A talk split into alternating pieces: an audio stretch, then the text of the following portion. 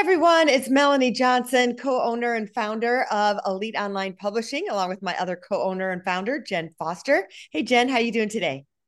I'm doing great. Thanks, Melanie. How is everyone doing today? Oh man, today we are talking thought leadership. We're talking branding. You know, we have so many people come to us that they're like, how do I stand out from a crowd? How do I brand myself? I'm a CEO, I'm an owner, I'm a founder. And we get this all of the time. So we really wanted to give you some of our expertise and thoughts of what we go through and processes that we give um, the people that consult with us and become authors with us.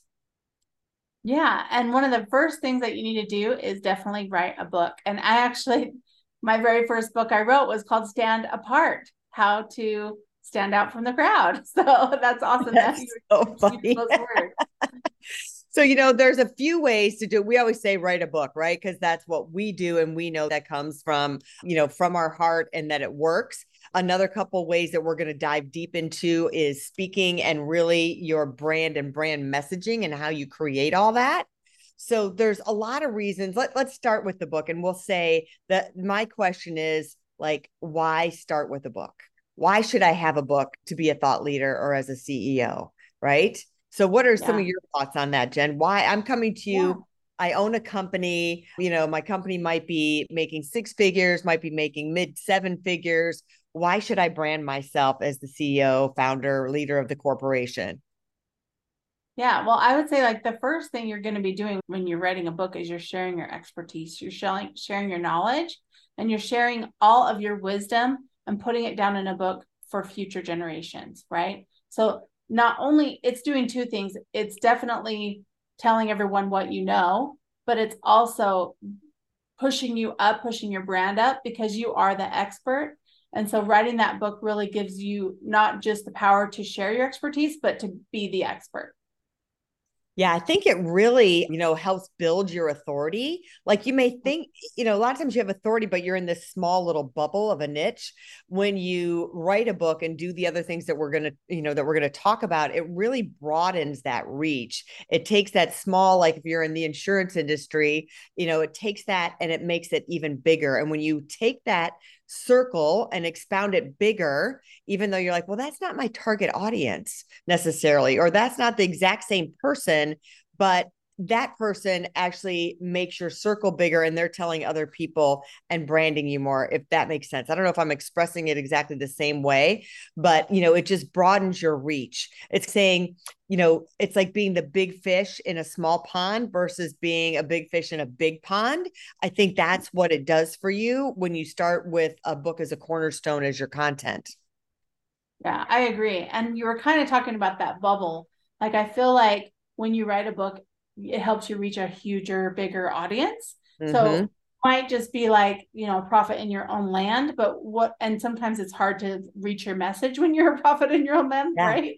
Like people don't think you're as expert as you really are. But when you expand that reach with a book, then your book is reaching more people nationwide. So it's not, it's all okay. over the country, all over the globe.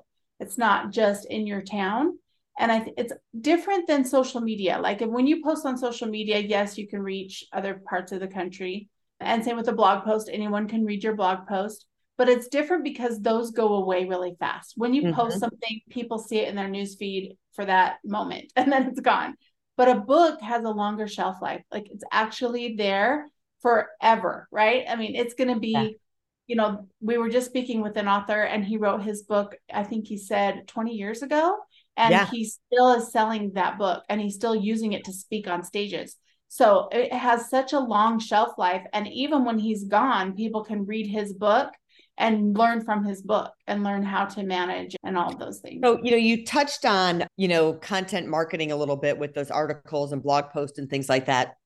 And in today's day and age, we're all about compressing time, saving money, making that ROI, you know, really making that net revenue number as high as possible. So, how do you cut cost? How do you save cost?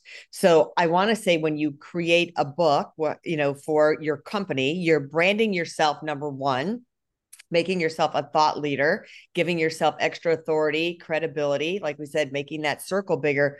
But what you're also doing is creating miles and miles of content that you can give the book to your social media person now. And now that's like their playbook. So instead of they're having these meetings, what should we be talking about? How should we break this up? You have a whole like foundation of content that you can use for decades. Just like Jenn said, that one um, person has been using his content for the last 20 years from his book. So think about that. So think about how much time and money that's going to save you by having all of this content created for you that can be blog posts, that can be quotes, social media, can be turned into videos, can be turned into commercials, can be turned into so many different things. So I really think that's a great way to start by yeah, you're going to spend a lot of time up front. You're going to spend some good hours of time creating this. And uh, we've written a lot of books. It's painful. I will admit it. It's like, I got to think about this. Excuse me. But now there's AI, which helps make it easier to brainstorm and things like that as well. So it's going to give you that. And then you're going to be able to have, if you want to be a speaker, or you're going to speak to other companies, or even having your message honed in for your sales pitch. You'll be able to do that for your book. And so, like, even if you're, uh, well, I'm the CEO of Coca Cola, let's say, still by having that brand message honed in of who you are and what you're doing, then your salespeople can pull that out. Reps can pull that out and use that down the line. You can use it for, like I say, commercials and different things. There are just so many different ways that you can utilize the content. So, my advice for thought leaders and CEOs is take the time up front, make the investment, and reap the rewards for years and years to come from creating that content. Yeah, I love that with the book, you can repurpose it in so many ways, like you were just talking yeah. about. Like, I love how even using some AI tools or even just getting into the manuscript and saying, what are the, you know, what are the top 10 quotes from this manuscript? And let's put those into social media posts. Let's write articles about them, blogs, put it on LinkedIn. Like, there's so many ways to repurpose the content of a book. We had an, I had an author back he wrote a fiction book. And I said, You should do a podcast for your book. And he was like, But it's a fiction book. Like, who's going to listen to the podcast? But what we did is we ended up interviewing. He had somebody come in and he recorded him and another guy. They re- had an interview and they did six episodes. So only six. It wasn't that many, but they were an hour long each. And he did a deep dive into the characters, into like how he wrote the book, into like all these details, because it was a lot of research that went into the book to get the mm-hmm. book written with Native Americans and horses and all these different things. And that interview not only went on to podcast and so people could listen to it on podcast, but it's on YouTube. And even to this day, even though he wrote that book 10 years ago, people can still watch his and do watch his podcast interview on YouTube and, and on other podcasts if because they're listening to the book, they read the book or they're listening to it on audio, and then they are like, oh, I want to learn more about this author, and he's right there on YouTube, and they can learn more about him. So just repurposing your content in so many different ways. I you know, you make it helps you. Yeah, you make a good point about you know people are finding you in different ways they want to learn more it's kind of that first step and you were talking about repurposing. So w- one of our books called strategic writing system we just did a webinar that we did training out of this. So if you're a beginning entrepreneur and you're in the digital service you can take a book like we took our book like this turn it into a training. We have a course that we created from it called the book writing fast pass. So you can turn it into this, you can turn it into memberships. So if you're a small business owner, we have Lauren Golden who had a membership site, Amy Lawrence who has a cookbook who created a membership site and the book propelled that membership site and got members from it.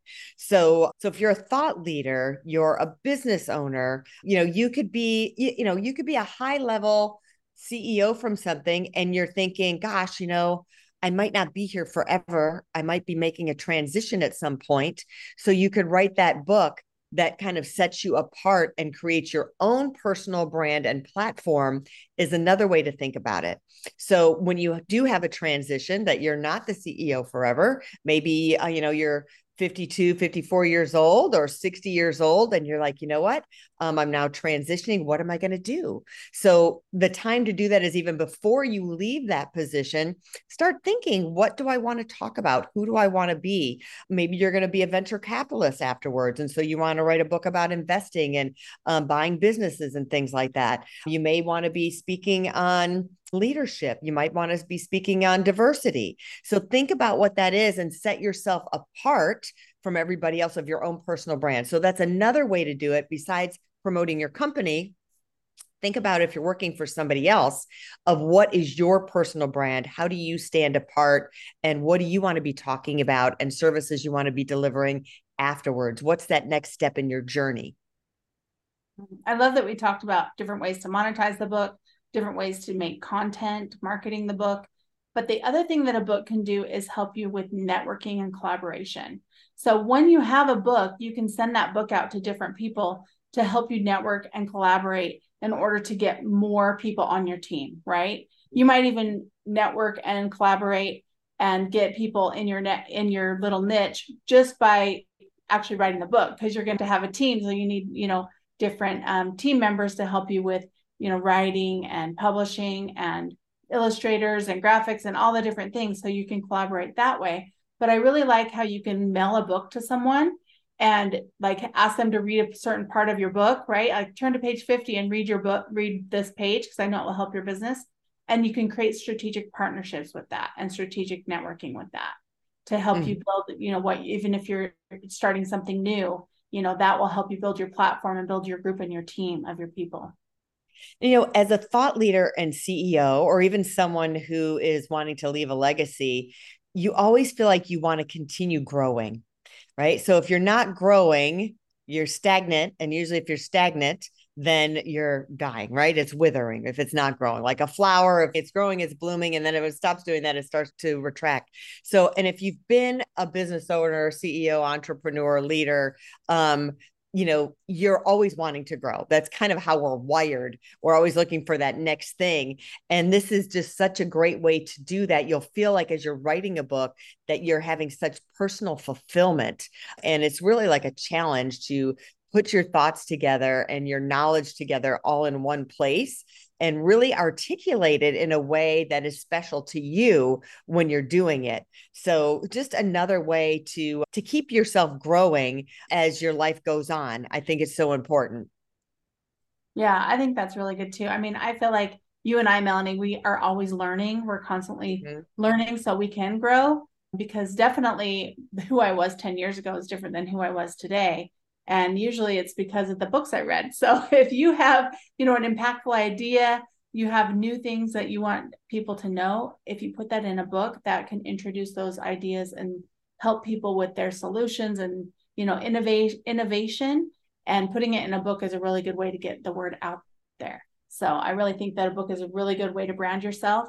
And really that brings you into your speaking career and brings you into you know sharing your knowledge with everyone and you know i'm going to share this quote so i'm going to look down and read this a little bit that writing a book is a powerful way for thought leaders to amplify their influence establish authority and leave a lasting impact on the industry. So it can serve as the cornerstone of your thought leadership journey. So you know again book we think the book is the cornerstone of it but it turns into speaking it turns into your branding getting your message out there and continuing to serve the community and to serve the world in short forms and long forms that last forever. So if you have questions about thought leadership and creating a book or branding we help authors and business people brand themselves all the time. Some people are even afraid to get in front of the camera and we've done on camera training for them. So you can reach out to us at eliteonlinepublishing.com. We would love to hear from you and, and get your story out there. We know you're a thought leader, but if you're the only one who knows it, then you're not helping anybody else, right? Don't keep it all to yourself. Don't be selfish, be generous. So that's that's my ending thought. awesome. Thanks for being here today. We hope to see you on the next episode. Hey, are you looking to increase your revenue, build credibility, and elevate your brand? This podcast is brought to you by Elite Online Publishing, an innovative publishing and full spectrum marketing company. they will publish and market your book to make it a number one bestseller. Becoming an author is the best way to market your business. So contact them at eliteonlinepublishing.com today. All of their authors become number one bestsellers.